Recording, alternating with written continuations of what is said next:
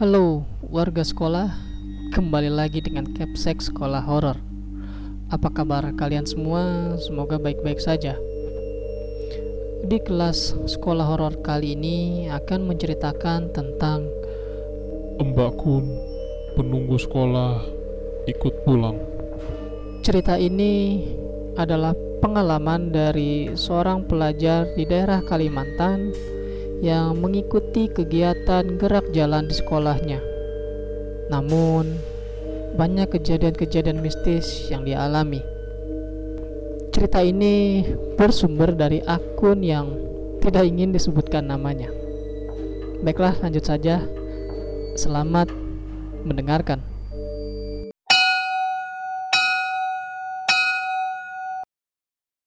Jadi kejadian ini aku alamin ketika kelas 10 di tengah semester awal. Waktu itu tuh hari terakhir latihan kami buat gerak jalan.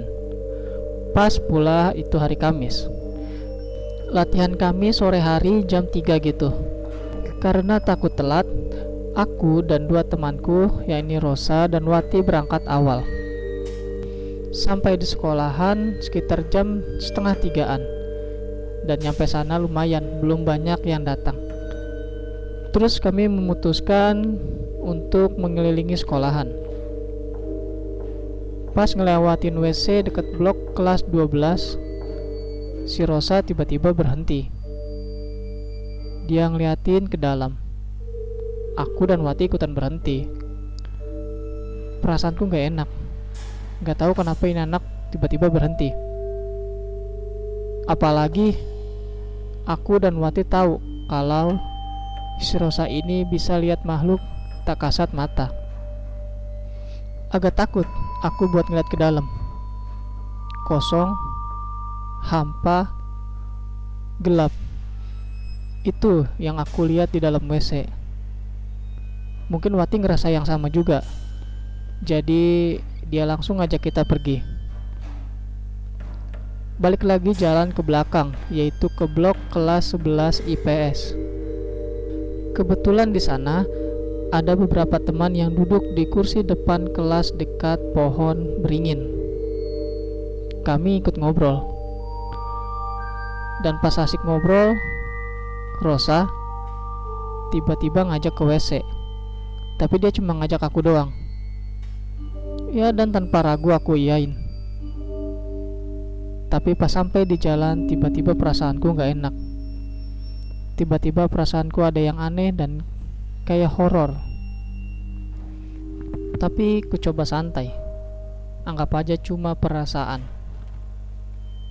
Pas udah di WC dan Rosa udah di bilik, ruangan memang terasa gelap. Pintu utama WC cewek pun kututup. Gue juga nggak paham kenapa aku tutup pintu. Padahal perasaan pada saat itu sedang was-was. Iseng-iseng, aku lihat lorong WC di depan mata. By the way, posisiku di depan pintu dan tanganku megang gagang pintu ini. Tahu nggak apa yang kulihat? Nggak ada sih. Tapi perasaanku makin lama makin gak enak. Pintu mulai kebuka sedikit demi sedikit dan belum terbuka tiba-tiba Rosa teriak. Sambil buka pintu dengan buru-buru aku yang kaget ikutan teriak dan lihat ke arah bilik Rosa sambil buka pintu lebar.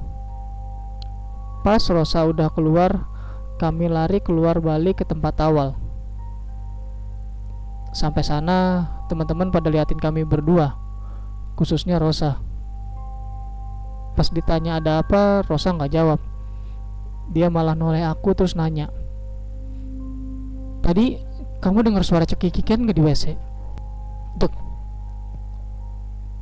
Terdiam dan kaget. Terus aku geleng. Rosa tanya lagi kenapa aku teriak. Ya aku jawab aja kalau aku kaget dengar teriakannya dia.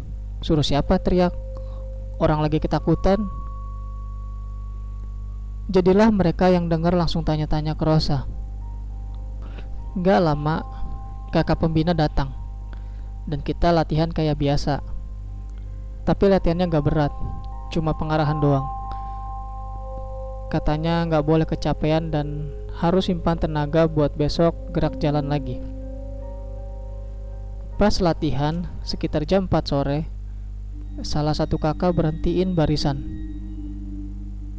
Terus dia nanya ke Rosa, kenapa si Rosa itu nggak konsen ketika latihan. Si Rosa menjawab, ada yang liatin kita kak dari WC. Otomatis dong, semua langsung melihat ke arah Rosa. Aku juga langsung noleh ke belakang ke arah barisan Rosa. By the way, lapangannya ini depan blok kelas 12 yang bentuk L dan kelas 11 IPS. Jadi kebetulan yang cewek pas banget di depan WC. Kemudian si kakak kasih saran buat gak ngeliatin ke WC, suruh cuekin aja dan menyuruh kita untuk tetap lanjut. Tapi si Rosa tetap aja nggak konsen. Dia sering ngeliatin WC malahan. Padahal kakak pembina udah terus dan terus nyerakin kita buat gak usah peduliin. Selang beberapa menit, tiba-tiba teman di barisan belakang teriak, Kak, Rosa lari ke WC. Barisan pun mulai gak konsen. Terus, salah satu kakak nyuruh kita berhenti. Akhirnya kita berhenti dan bubar jalan. Pas aku lihat ke belakang, si Rosa udah nggak ada. Dan pintu WC pun ketutup. Temenku yang tadi teriak juga udah di depan WC sama kakak pembina cewek. Aku ikut ke sana sama beberapa teman. Kami teriak dan coba buka pintu. Tapi berat, kayak ada yang nahan gitu dan karena mungkin banyak yang dorong pintu akhirnya pintunya bisa terbuka dan kami pun masuk Rosa yang ada di bilik yang tadi pas kita ke WC dia mengerang-ngerang matanya kayak merah gitu terus akhirnya ada yang coba buat nyeret dia. Tapi dia nolak dan tergeletak di lorong WC sambil nangis-nangis. Kata seorang kakak dia kesurupan. Fix ini pertama kalinya aku lihat orang kesurupan langsung di depan mata. Jadi aku diam melihatin mereka untuk mencoba menyadarkan si Rosa. Karena dia nggak sadar juga akhirnya dia dibawa keluar dengan cara dibopong by the way aku nggak ikut bopong dan aku sempat tertinggal sesaat di WC hingga sampai aku tersadar kalau aku sendirian langsung dah aku lari keluar Rosa dibawa buat ditangani. Tapi rupanya kami salah. Isi Rosa ini beragama Kristen. Dan kami yang kumpul di situ kebetulan muslim semua. Sampai salah satu teman menyarani kami buat manggil si A. Si A ini anak keturunan Cina yang agamanya juga Kristen dan sepertinya dia bisa melihat dan ngusir dan kebetulan dia juga ada dengan kita untuk ikut gerak jalan. Jadilah aku lari dan manggil si A. Dia lagi kumpul sama yang lainnya di lapangan. Pas sudah aku ceritain semuanya, A langsung lari ke tempat Rosa. Di sana udah ada kepsek. A minta tolong aku sama Wati buat neken jempol kakinya Rosa keras-keras dan A mulai membaca doa gini gitu sambil nanyain Rosa dan nyuruh itu makhluk keluar. Sambil ngeliatin Rosa yang sedang ditangani, Kepsek bercerita kalau di WC itu memang ada makhluknya. Bahkan Kepsek sendiri pernah melihat sosok nenek-nenek dan ada juga yang hanya melihat sosok kepala tanpa badan. Setelah lama si Rosa pun belum sadar. Si Wati mulai getir. A yang tahu nyuruh Wati menjauh biar nggak ikutan katanya. Jadilah Wati pergi. Terus digantiin dengan yang lain. Aku yang ngeliatin Wati nggak tega, ku minta lainnya buat gantiin. Terus nyamperin Wati. Tangannya dingin dan berkeringat. Dia kelihatan ketakutan Lalu aku kasih dia air minum dan nyuruh dia buat baca-baca sambil nenangin dan kasih hal positif. Setelah nggak lama, Rosa mulai sadar. Akhirnya kami bisa pulang.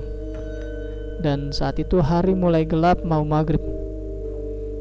Pas di parkiran, Rosa langsung duduk di depan dan minta kunci motor. By the way, aku tiap hari berangkat dan pulang bareng Rosa pakai motorku. Rumah kami deketan gitu. Tapi aku nggak langsung kasih, masih diem, mikir dia kan habis kesurupan terus tiba-tiba mau bawa motor sendiri dan sedangkan aku nanti yang di belakangnya bagaimana intinya sih aku coba nolak karena bagaimanapun juga kan badannya belum pulih tapi Rosa maksa dan Wati yang nungguin kami akhirnya menyuruhku buat ngikutin kemauan Rosa aku pun kasih kuncinya Lalu kita pulang. Di jalan kami hening. Sudah maghrib pula. Rute yang diambil agak jauh. Rosa milih rute yang jauh namun ramai.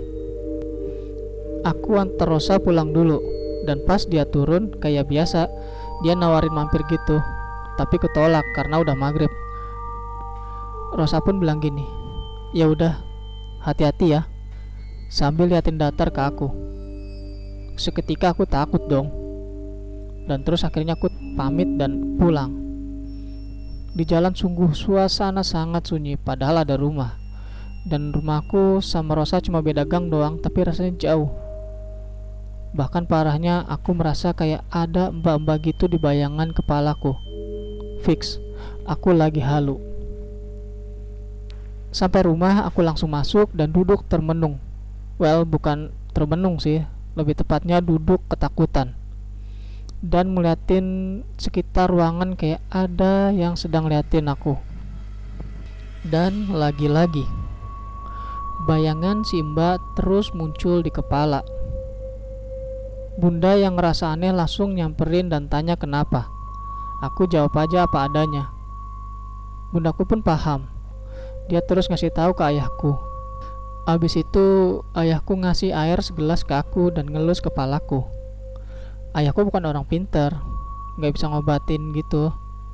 Tapi perlahan aku mulai tenang. Rasa takutku pun mulai berkurang. Pertanyaannya, tahu dari mana aku diikutin? Apa ada yang kasih tahu? Keesokan harinya, Pas aku jemput Rosa buat berangkat ke lokasi lomba gerak jalan, dia cerita.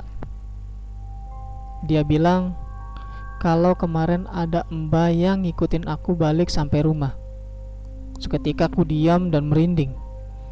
Pantes, aku ketakutan kayak gitu. Padahal pas di sekolah biasa-biasa aja. Tapi kenapa pas pulangnya tiba-tiba serem? Dan aku pun baru ingat kalau pas itu aku lagi datang bulan. Kata orang, misal cewek pas datang bulan, dia rentan sama makhluk tak kasat mata gitu. Apalagi aku tinggal di Kalimantan. Tahu kan, di Kalimantan ada kuyang. Selain dia hisap janin dan ari-ari dari darah bayi, kuyang juga bisa hisap darah wanita yang datang bulan. By the way, ini pertama kalinya aku ngerasain hal horor yang jelas. Walau nggak lihat secara langsung dan aku juga nggak mau lihat. Tapi udah cukup buat aku sawan. Sekian.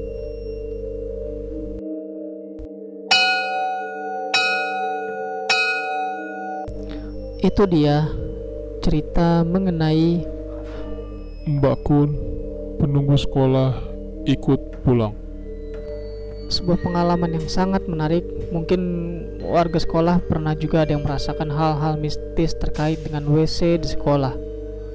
Yap, semoga ada hikmah yang bisa kita ambil dari kejadian tersebut. Terima kasih buat kalian warga sekolah yang telah mendengarkan cerita ini dan terima kasih juga kepada pembuat cerita ini yang tidak ingin disebutkan namanya. Dan jangan lupa untuk like dan share video ini agar warga sekolah horor semakin bertambah dan sampai jumpa di kelas berikutnya.